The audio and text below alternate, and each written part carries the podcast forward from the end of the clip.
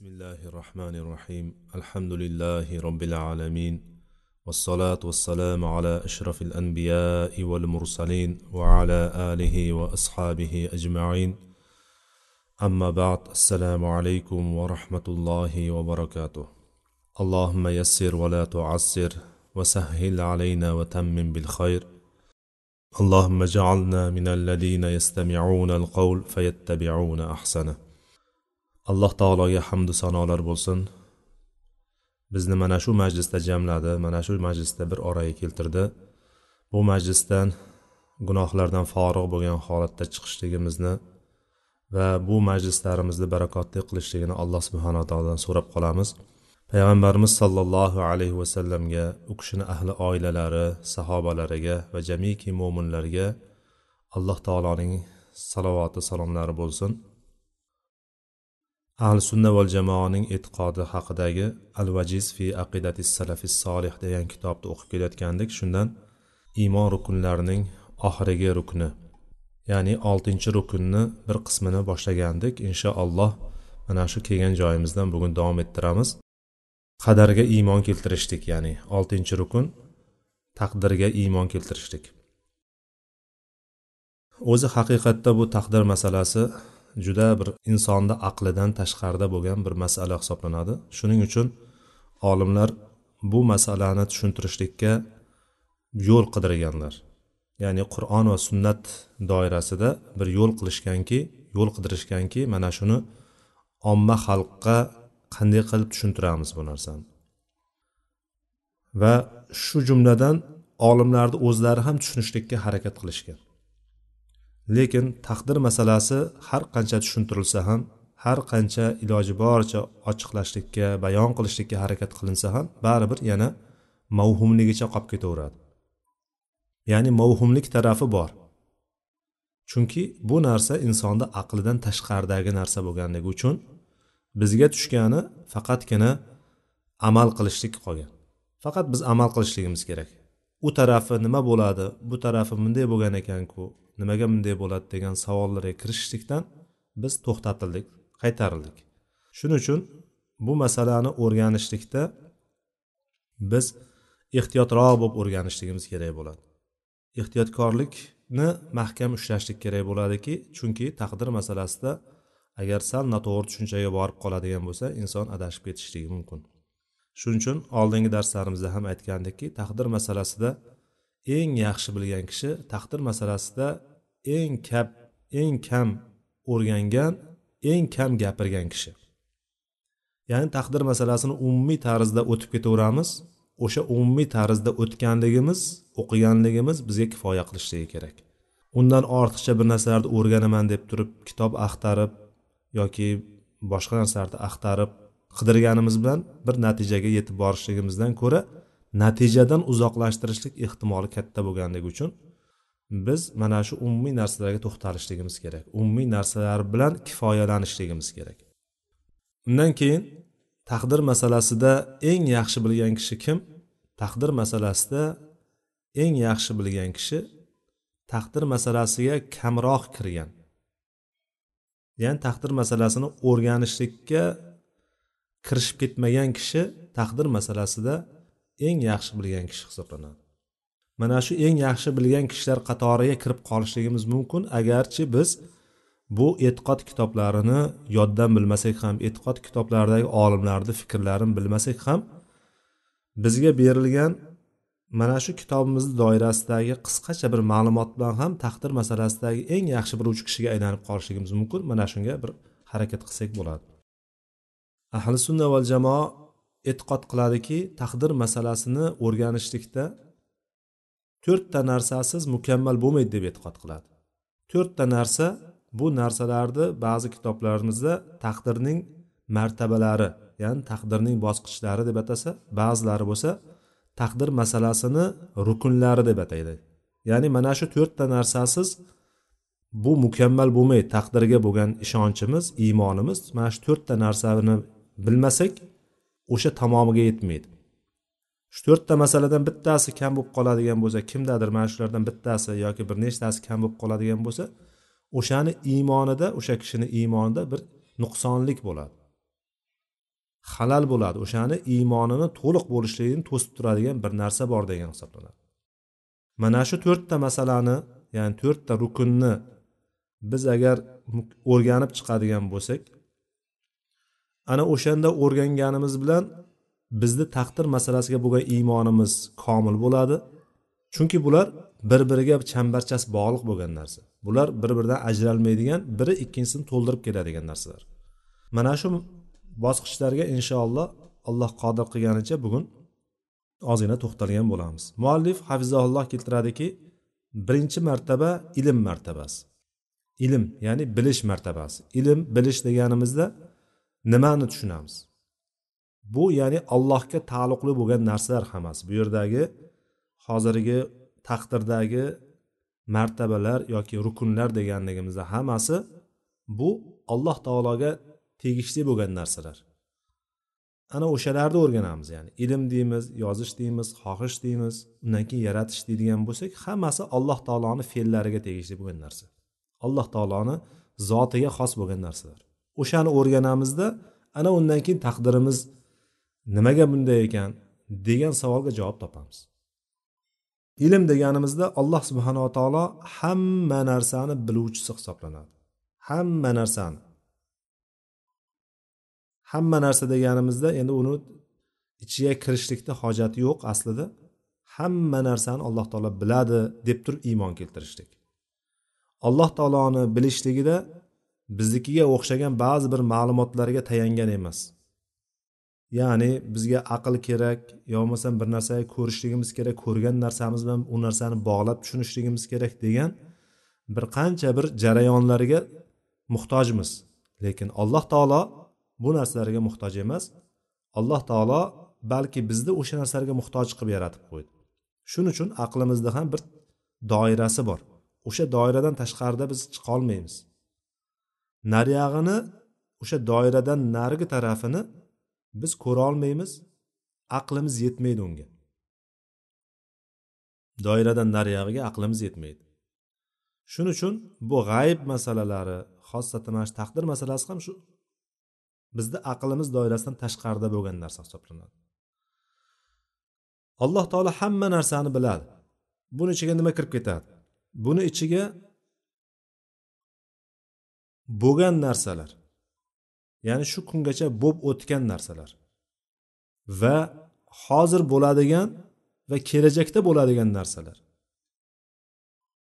Va o'sha bo'lmagan narsa bo'lmagan narsalar bo'lsa qanday bo'lishligini ham biladi hattoki. Ba'zi bir narsalar ba'zi bir sabablarga ko'ra bo'lmay qoladi. Ba'zi bir narsalar hamma sabab yuzaga keladiku lekin o'sha narsa bo'lmay qoladi. Lekin alloh taoloni ilmi shunaqa kengki o'sha bo'lmagan narsa agar bo'lsa qanday bo'lishligi mumkinligini ham alloh taolo biluvchi zotdir. Buni biz hech narsaga o'xshata olmaymiz. Buni biron bir narsaga o'xshata olmaymiz. Chunki biz aqlimiz yetmaydi bu narsani tushuna olmaymiz. Chunki bizni tushunishligimiz faqat shu bo'lgan narsalarni yoki bo'lak hozir bo'lib turgan narsalarni ko'zimiz bilan ko'rmagunimizcha bilolmaymiz o'sha narsani. Shunaqa bo'lyapti ekan deb turib. Bu narsani tushunishlik bizga haqiqatdan og'ir keladigan narsa. Ya'ni bo'lmaydigan narsa bo'lib qolsa qanday bo'lishligini qayerdan bilamiz? Biz bilolmaymiz albatta. Hatto bunday olib qaraydigan bo'lsak mana shu shunday bir qo'limizga qaraylik yo bo'lmasam biron bir a'zomizga qaraylik. Shuni bilamizmi biz? O'zimizni a'zomiz bo'lmasa. Eng yaqinimizda turgan tug'ilganimizdan beri yonimizda yurgan bir a'zomiz qaranglar. Shunday qaraymizda qo'limizga qaraylikda qo'limizni bilamiz. Ha qo'limizni qayerda qanaqa rangi bor qanaqa joyi borligini bilishligimiz mumkin bir qaraganda. Lekin ichida nima borligini bilamizmi? Bilmaymiz. Chunki teri bilan qoplab qo'yganda ichkarisida nima borligini alloh taolo bizdan to'sib qo'ygan.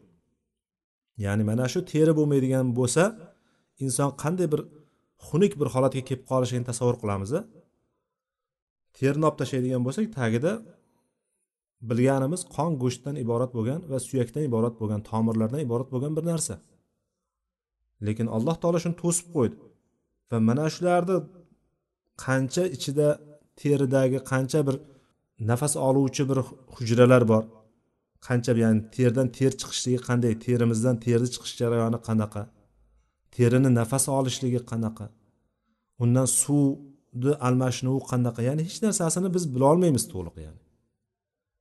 Bitta o'zimizni a'zomiz haqida gapiryapman. Alloh taoloni ilmi shunaqa ilmki azaldan alloh taoloni o'zida bo'lgan ilm shunaqa ilmki alloh taolo bir narsani hali yaratishidan oldin o'sha narsani butun taraflari bilan amallari bilan holatlari bilan harakatlari bilan hamma narsasini biluvchi zotdir. Ya'ni bu narsani biz tasavvur qila olmaymiz. Chunki bir narsa bo'lgan bo'lib o'tib ketgan narsa. Ikkinchisi hozir bo'layotgan narsa.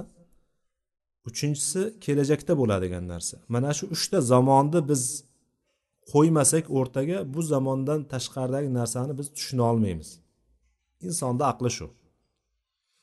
Bu narsa qachon bizdan o'rtadan agar zamon ko'tarilib qoladigan bo'lsa bir paytda tasavvur qiling bir paytda hamma narsani ko'rib turibsiz.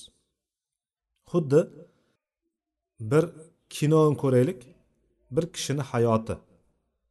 Hayotini tug'ilish jarayonini ko'ryapmiz.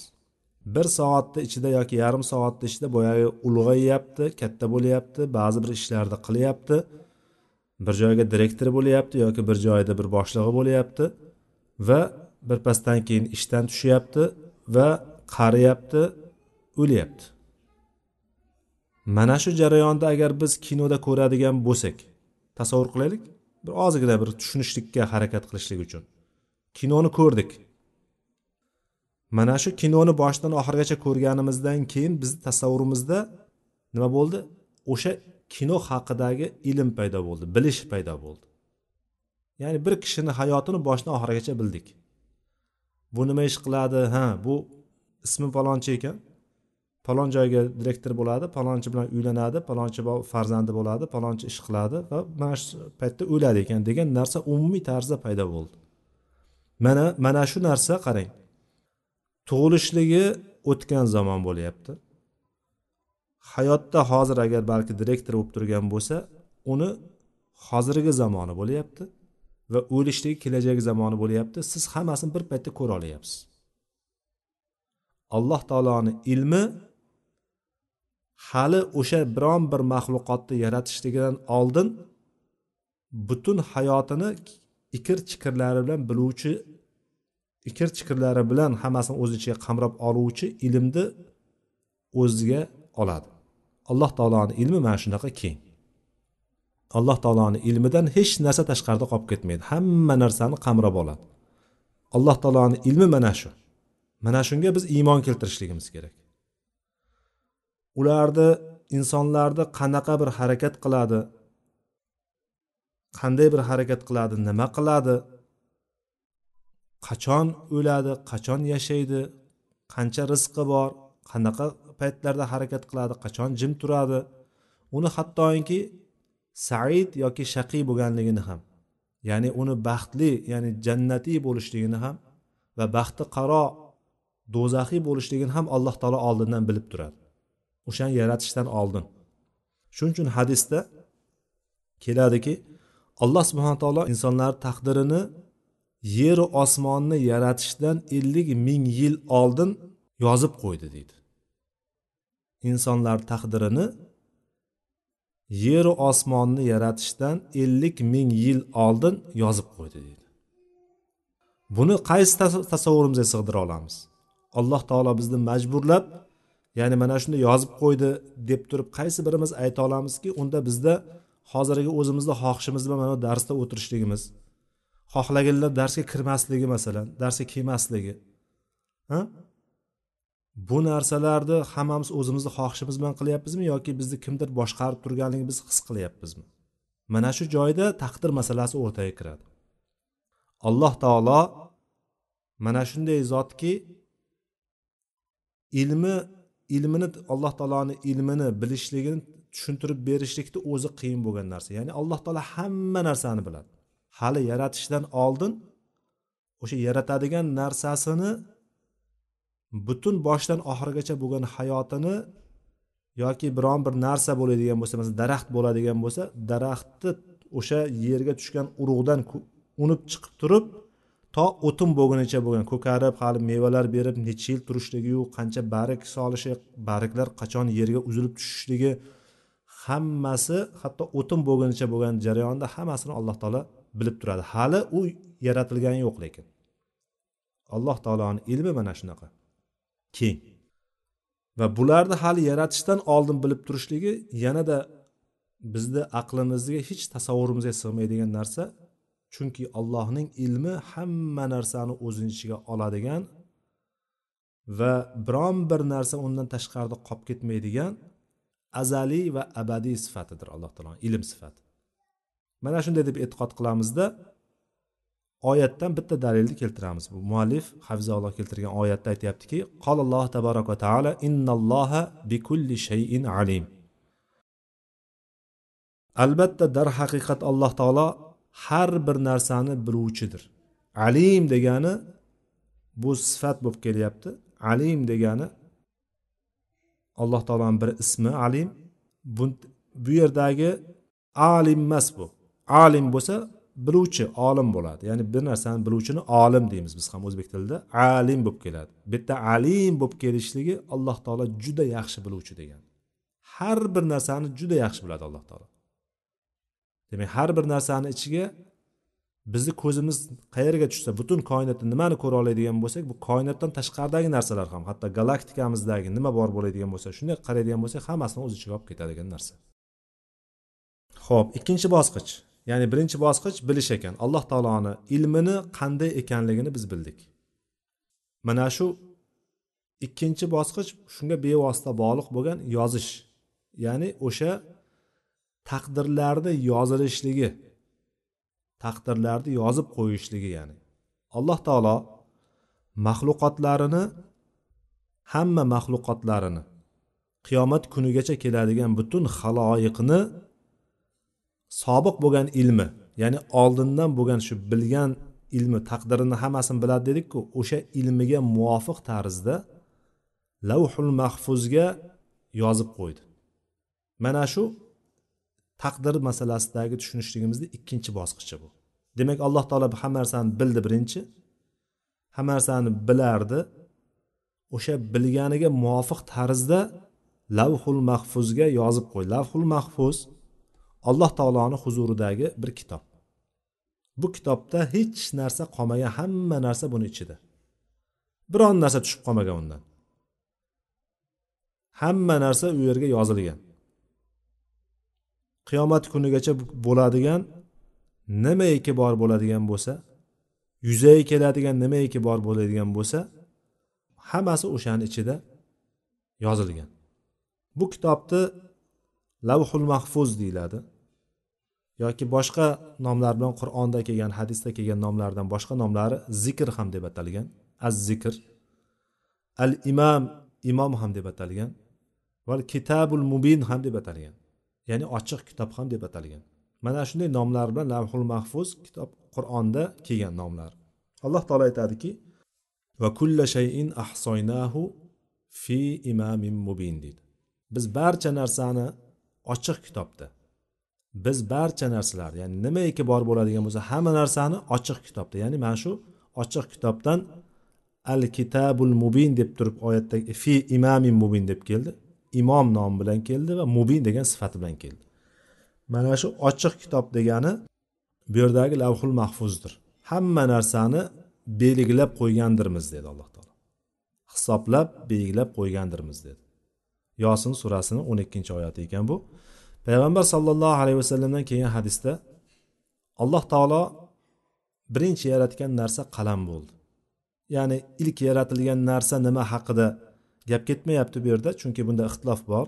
Oldin ham to'xtalgan bo'lsak kerak bu haqda. Birinchi yaratilgan narsa nima? Birinchi yaratilgan narsalardan bittasi ya'ni. Ilk yaratilgan narsalardan bittasi. Alloh taolo birinchi bo'lib qalamni yaratdi. Qalamni yaratdida unga yoz dedi. Qalam ham nimani yozay dedi ma aktubu dedi. Nimani yozay dedi. Ya'ni qalam bu yerda gapiryapti. Bizga jonsiz narsalarni gapirishligi predmetlarni gapirishligi bizga g'ayri tabiiy keladi. Haqiqatdan shunday. Lekin olloh nazdida biron bir narsa undaqa g'ayri tabiiy emas. Ertaga hatto qiyomat kunida allohni huzuriga borgan paytimizda hisob kitob jarayonida alloh taolo bizni og'izlarimizga muhr bosadi. Al yawma naxtimu ala afvahihim u kunda insonlarni og'ziga muhr qo'yiladi. Ochilmaydigan qilib turib muhr bosiladi og'zimizga og'izlarimizga. Va tukallimuna aydihim va tashhadu arjuluhum bima kanu yaksibun. Ularni qo'llari bu narsani qilgan narsalarini qo'llari aytib turadi. Bu mana shunday ishni qildi bu mana shunday ishni qildi deb turib hammasini aytib turadi. Oyoqlari bo'lsa guvoh berib turadi. Ha haqiqatda shunday qildi. Bu rostdan ham shunday qildi deb turib bizni o'zimizni zararimizga guvohlik berib turishadi. Boshqa bir oyatda bo'ladigan bo'lsa bizni terilarimiz terimiz badanimizdagi terimiz tilga kiradi. Bizga qarshi guvohlikka o'tadi. Ana o'sha paytda nimaga bizga qarshi guvohlik berding deb turib biz malomat qilamiz terimizni o'sha malomat qilgan paytimizda bu kunda olloh meni gapirtirib qo'ydi deydi. Olloh gapirtirib qo'ygandan keyin kim to'sqinlik qila oladi? Hech kim to'sqinlik qila olmaydi. Ya'ni demoqchi bo'lganim olloh nazdida biron bir narsa g'ayri tabiiy emas. Alloh taolo predmetlar uyoqda tursin hattoki mana biz tasavvurimizga sig'maydigan qo'llarimizni gapirishligi oyoqlarimizni gapirishligi terilarimizni gapirishligini alloh taolo qodir zot. Ya'ni bu yerda ham qalam yaratildida unga yoz deganda qalamdan javobni chiqishligi bizni e bu hadis yo'q bo'lmagan hadis deb turib inkor qilishligimizga sabab bo'lmasligi kerak. Ya'ni hozirgi kunda hadisni inkor qiladiganlar ko'payib ketganligi uchun bir urg'u berib ketish maqsadida gapiryapman. Sal aqllariga to'g'ri kelmaydigan bir hadisni ko'rib qoladigan bo'lsa shunday taktubi bilan olib otaveradi. Unaqa bo'lishimiz kerak emas.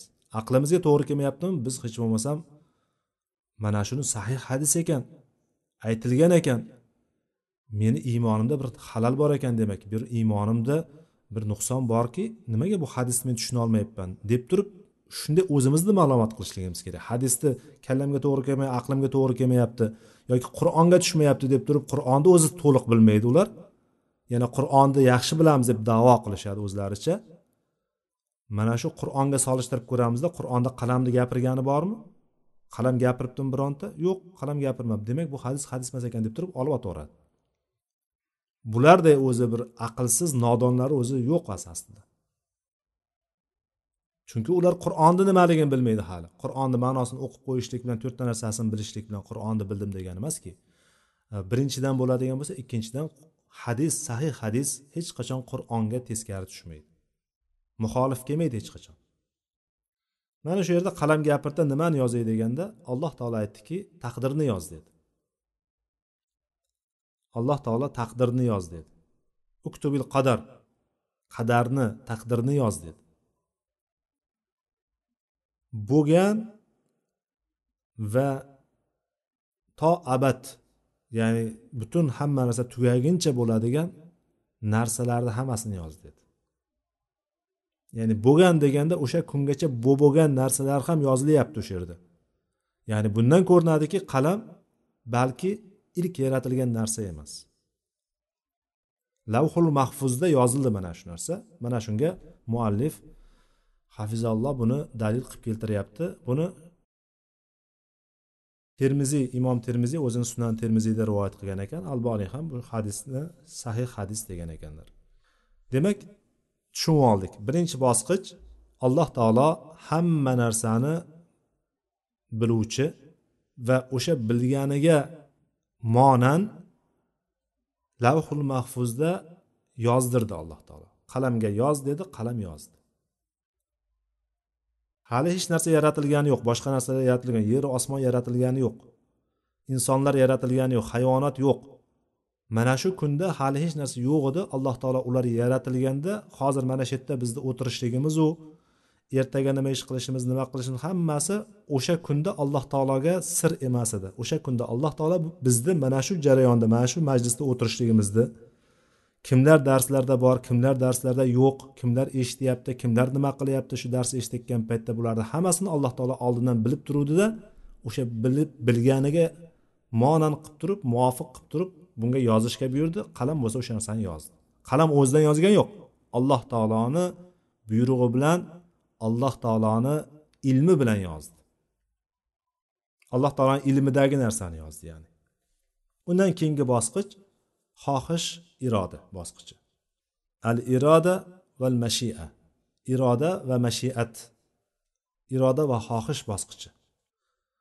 Bu qanday? Ya'ni bu degani xohish iroda degani bu borliqda bu koinotda nimaiki sodir bo'ladigan bo'lsa nimaiki yuz beradigan bo'lsa hammasi alloh taoloni xohishi bilangina bo'ladi.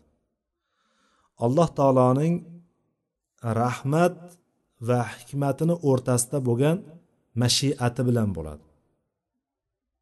Mana shuni ikkalasini o'rtasida yuzaga keladi ya'ni alloh taolo xohlagan paytda bir narsani xohlash xohlagan paytda ikkita sifatiga monan ya'ni ikkita sifatiga xos bo'lgan narsa bilan iroda qiladi. Yo rahmati bilan iroda qiladi yoki hikmati bilan iroda qiladi alloh taolo.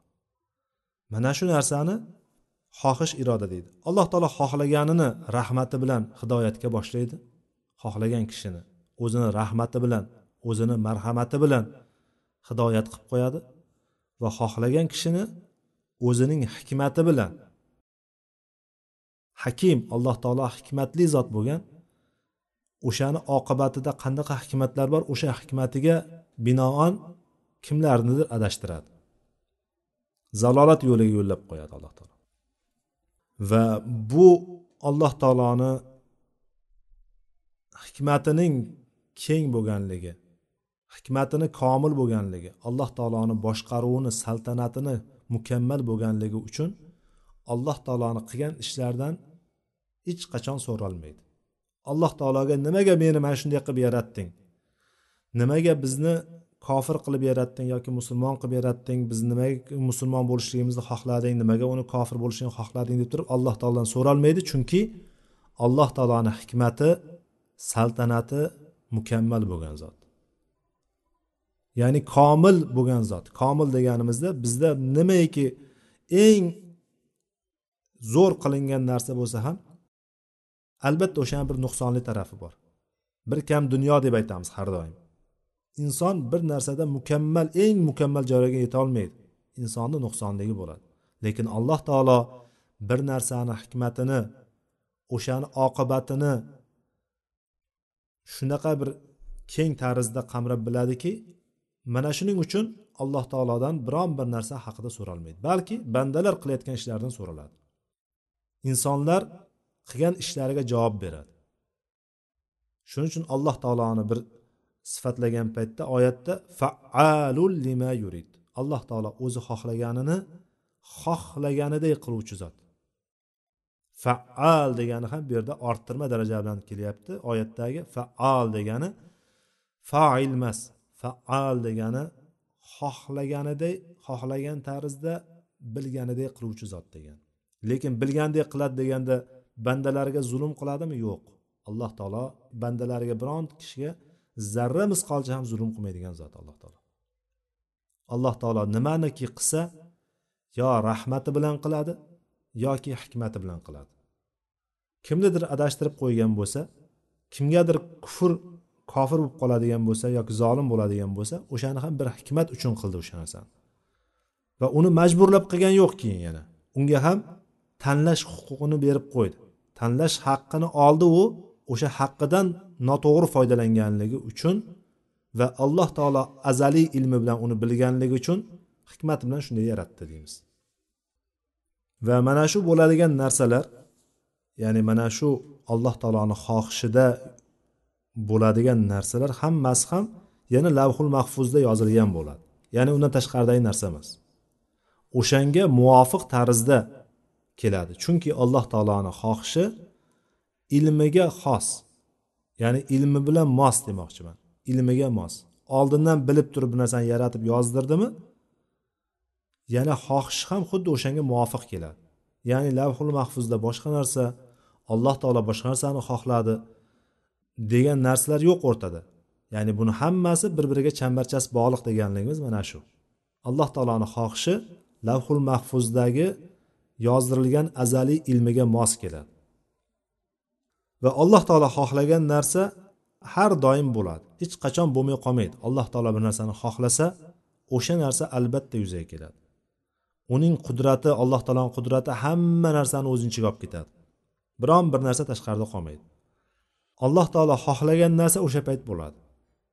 Masha allohu kan alloh taolo nimaiki xohlasa kana bo'ladi. O'sha payt bo'ladi. Alloh taoloni ishi faqatgina bo'l desa bo'ldi. Ya'ni buyruq bersa bo'ldi o'sha narsa yuzaga keladi. Undan hech narsa to'sib qola olmaydi biron bir narsa o'rtaga tusha olmaydi. Alloh taolo bo'l desa o'sha payti bo'ladi. Alloh taolo xohlamagan narsa hech qachon bo'lmaydi. Lam yasha lam yakun. Alloh taolo xohlamagan narsa hech qachon bo'lmaydi.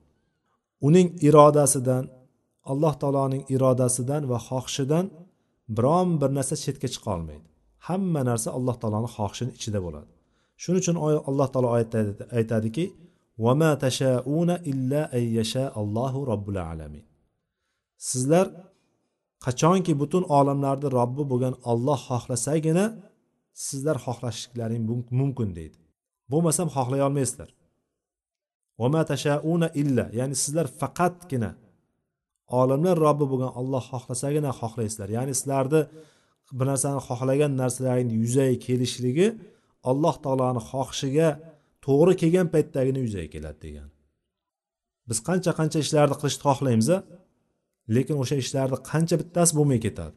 Nimaga? Chunki bu narsa bizda xohishimiz bo'lganu lekin alloh taoloni xohishiga to'g'ri kelmaganligi uchun bo'lmagan deb turib bilishligimiz kerak o'sha narsani. Biz taqdirni o'tgan narsalarimizga dalil qilishligimiz mumkin. Mana hozir shu darsda o'tiribmiz. Shu darsda o'tirganligimizni shu ma'ruzani eshitib turganligimizni demak meni taqdirimda bor ekan deyishligimiz mumkin. Va o'tgan kunlarimizdagi qilgan xatolarimiz bordir qilgan bir savob ishlarimiz bordir. Nimaiki bo'ladigan bo'lsa taqdirimda shu borsa bor ekan deb turib bilamiz. Lekin bir ozdan keyin bo'ladigan taqdirimiz nima ekan degan narsani biz bilolmaymiz va mana shuning uchun harakat qilaveramiz biz. Payg'ambar sollallohu alayhi vasallamdan kelgan hadisda muallif keltiryaptiki inna quluba bani adama kullaha bayna isba'ayni min asobi'il rahman ka qalbin vahid yusarrifuhu haysu yasha dedilar. Butun odam farzandining odam bolalarining qalblari alloh taoloning ikki barmog'ini o'rtasida bitta kishining qalbi kabiday bo'lib turadi. Bitta kishi bitta qalb kabi bo'lib turadi. Butun qalblar hammasi alloh taoloni ikkita barmog'i. Demak bu yerda alloh taoloni barmog'i nisbatlanyapti. Alloh taoloda barmoq bor deb turib aytilinyapti. Bu sahih hadis bu. Imom muslimning rivoyati. Alloh taoloni barmoqlarini o'rtasida alloh taolo ular uni ya'ni mana shu insonlarni qalblarini xohlagan tarafga burib tashlayveradi xohlagan tarafga qarab turib aylantirishligi mumkin. Xohlaganday tasarruf qiladi alloh taolo. Ya'ni shuning uchun biz alloh taoloni ikkita barmog'ini o'rtasida qalblarimiz turar ekan. Demak biz agar hidoyatga qarab yuradigan bo'lsak hidoyatga ketishligimizda alloh taolo o'sha tarafga burib qo'yadi.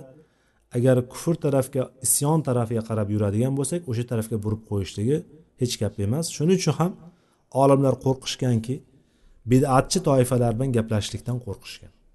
Bidatchi toifalar bilan hattoki ularga bir hujjat yetkazishlikdan ham uzoq turib turib ulardan gaplashmagan ham. Hattoki sababi mana shu bo'lganki ya'ni ularni aytayotgan gaplaridan biroz ta'sirlanib qolsam alloh taolo qalbimni shu tarafga burib qo'ymasin haq yo'ldan ozib ketib qolmayin deb turib aytgan.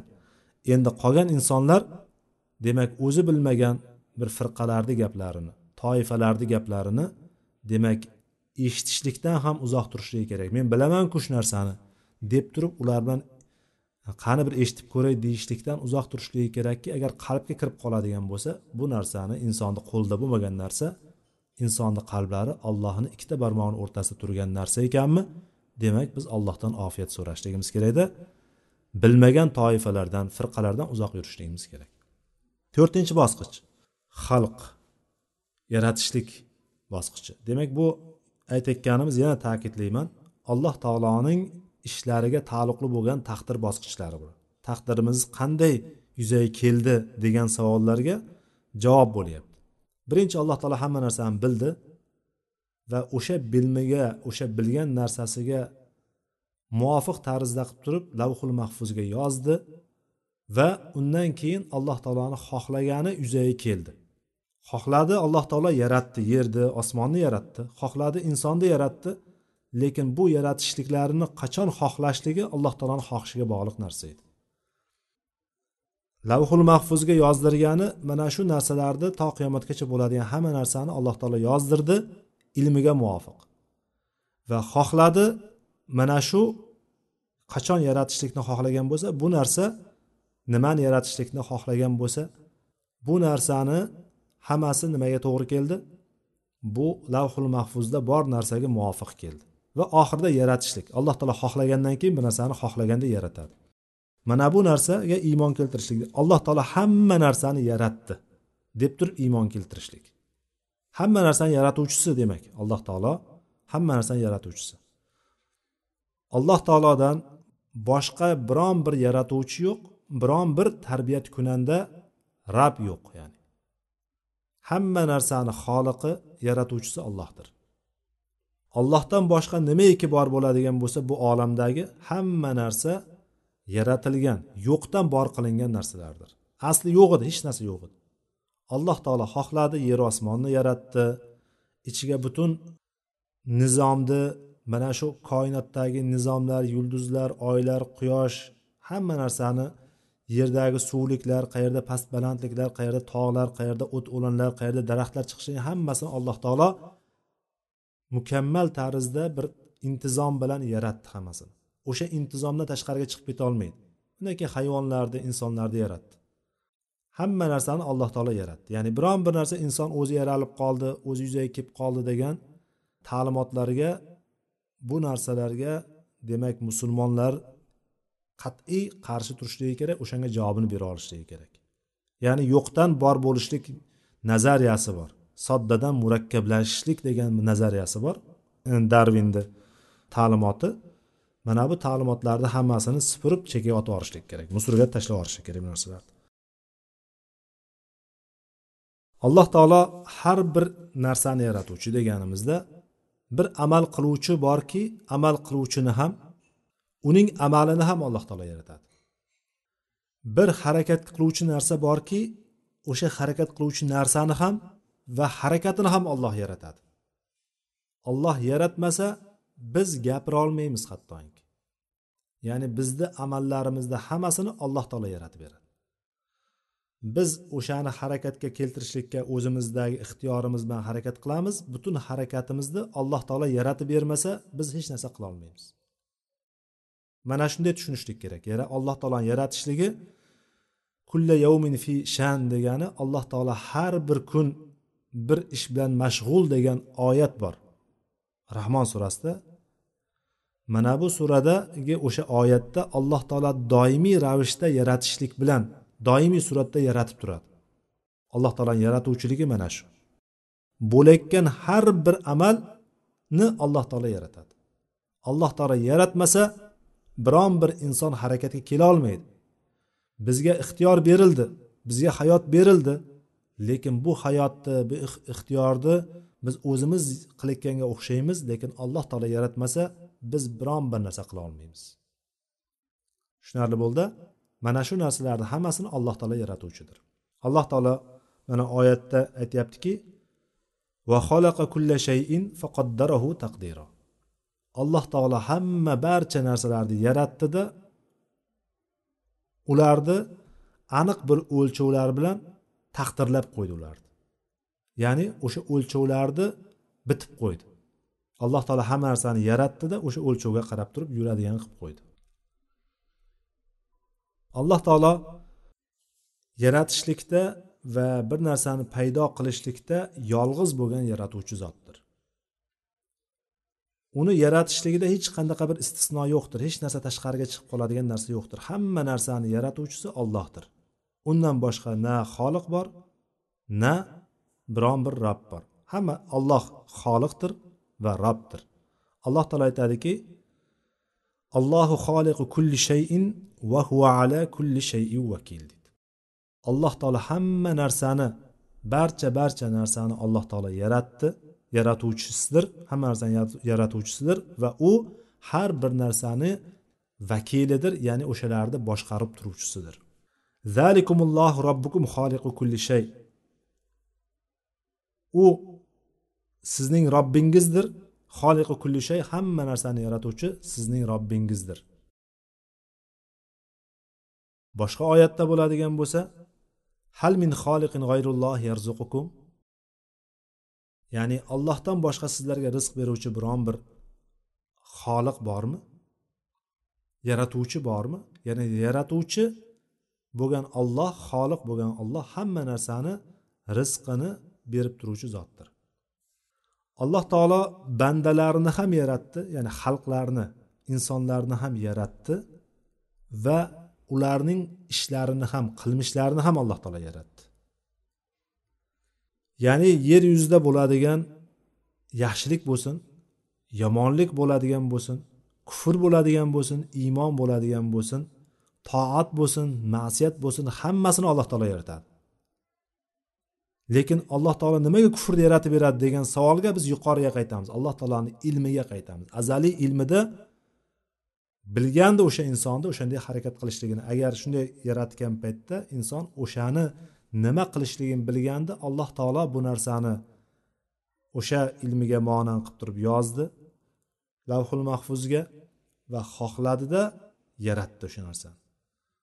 Bu narsa haqida mana shunday iymon keltiramiz. Shu joyda to'xtaymiz keyin. Nimaga bunga kufrni nasib qildi degan bo'lsa boya aytganimizdek alloh taoloni qilgan ishlari rahmat bilan hikmatini o'rtasida edi. O'shanga xos mos ravishda ketdi deb aytamiz.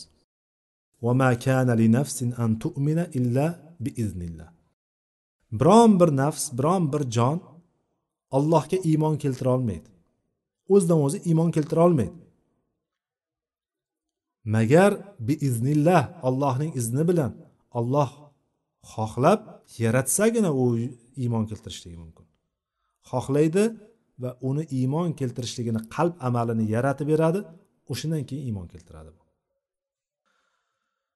va qola taala qul la yusibana illa ma kataballohu lana. Ayting bizga biron bir narsa kelmaydi biron bir narsa yetmaydi. Musibat ham yetmaydi yoki biron bir yaxshilik ham yetmaydi. Agar yetadigan bo'lsa ham ma kataballohu lana alloh taolo biz uchun yozib qo'ygan narsagina yetadi deb ayting deyapti. Ya'ni alloh taolo biz uchun yozib qo'ygan xohlagan va yaratgan narsasigina bizga kelishligi mumkin boshqa narsa kelmaydi. Vallohu xalaqakum va ma ta'malun deyapti. Alloh taolo sizlarni yaratdi va ma ta'malun va sizlar qilayotgan narsalarni yaratdi. Mana bu oyatlar bizga dalil bo'ladi va bundan ichkarisiga nariyoqqa o'taman deydigan bo'lsak aqlimiz yetmaydi. Aqlimiz yetmagan narsada demak biz to'xtashligimiz kerak. Nimalarga? Qur'on va oyatda kelgan dalillarga to'xtashligimiz kerak. Ana o'sha eng salomatli yo'l mana shu hisoblanadi. Taqdir masalasi mana shu. To'rtta bosqichi shundan iborat. Hali bu mavzuda hali yana gapiradigan boshqa gaplar bor ekan. Inshaalloh o'rganishimiz kerak bo'lgan boshqa narsalar bor ekan. Vaqtimiz oxirlab qoldi. Mana shuning uchun mana shu joyda to'xtaymiz. Taqdir masalasida mana shu to'rtta bosqich bor ekan. Shu to'rtta bosqichni ya'ni taqdirni biz qanday yozildi bizga taqdir? Taqdir masalasi degani nima degani deydigan bo'lsa mana shu tarzda bilishligimiz kerak. Alloh taolo hamma narsani bildi va alloh taoloni ilmi hamma narsani ihota qiluvchi ichiga oluvchi bir ilmdir. Va o'sha ilmiga ilmidagi narsani lavhul mahfuzga yozdirdi. Lavhul mahfuzga yozildi ya'ni ikkinchi bosqich. Undan keyin alloh taolo xohladi xohlagan narsasi bo'ldi. Bu xohlagan narsasini bo'lishligi ham o'sha lavhul mahfuzdagi azaliy ilmida bor narsaga mos ravishda edi. Alloh taolo xohlagandan keyin yaratdi va yaratishligi hamma narsani o'z ichiga olib ketadi. Insonlarni o'zini ham va qilayotgan amallarni ham o'z ichiga olib ketadi. Bularni hammasi alloh taoloni rahmati bilan hikmatini o'rtasida aylanadi deb turib iymon keltiramiz va mana shu joyda shu bilan kifoyalanamiz vallohu alam سبحانك اللهم وبحمدك أشهد أن لا إله إلا أنت أستغفرك وأتوب إليك وآخر دعوانا أن الحمد لله رب العالمين والسلام عليكم ورحمة الله وبركاته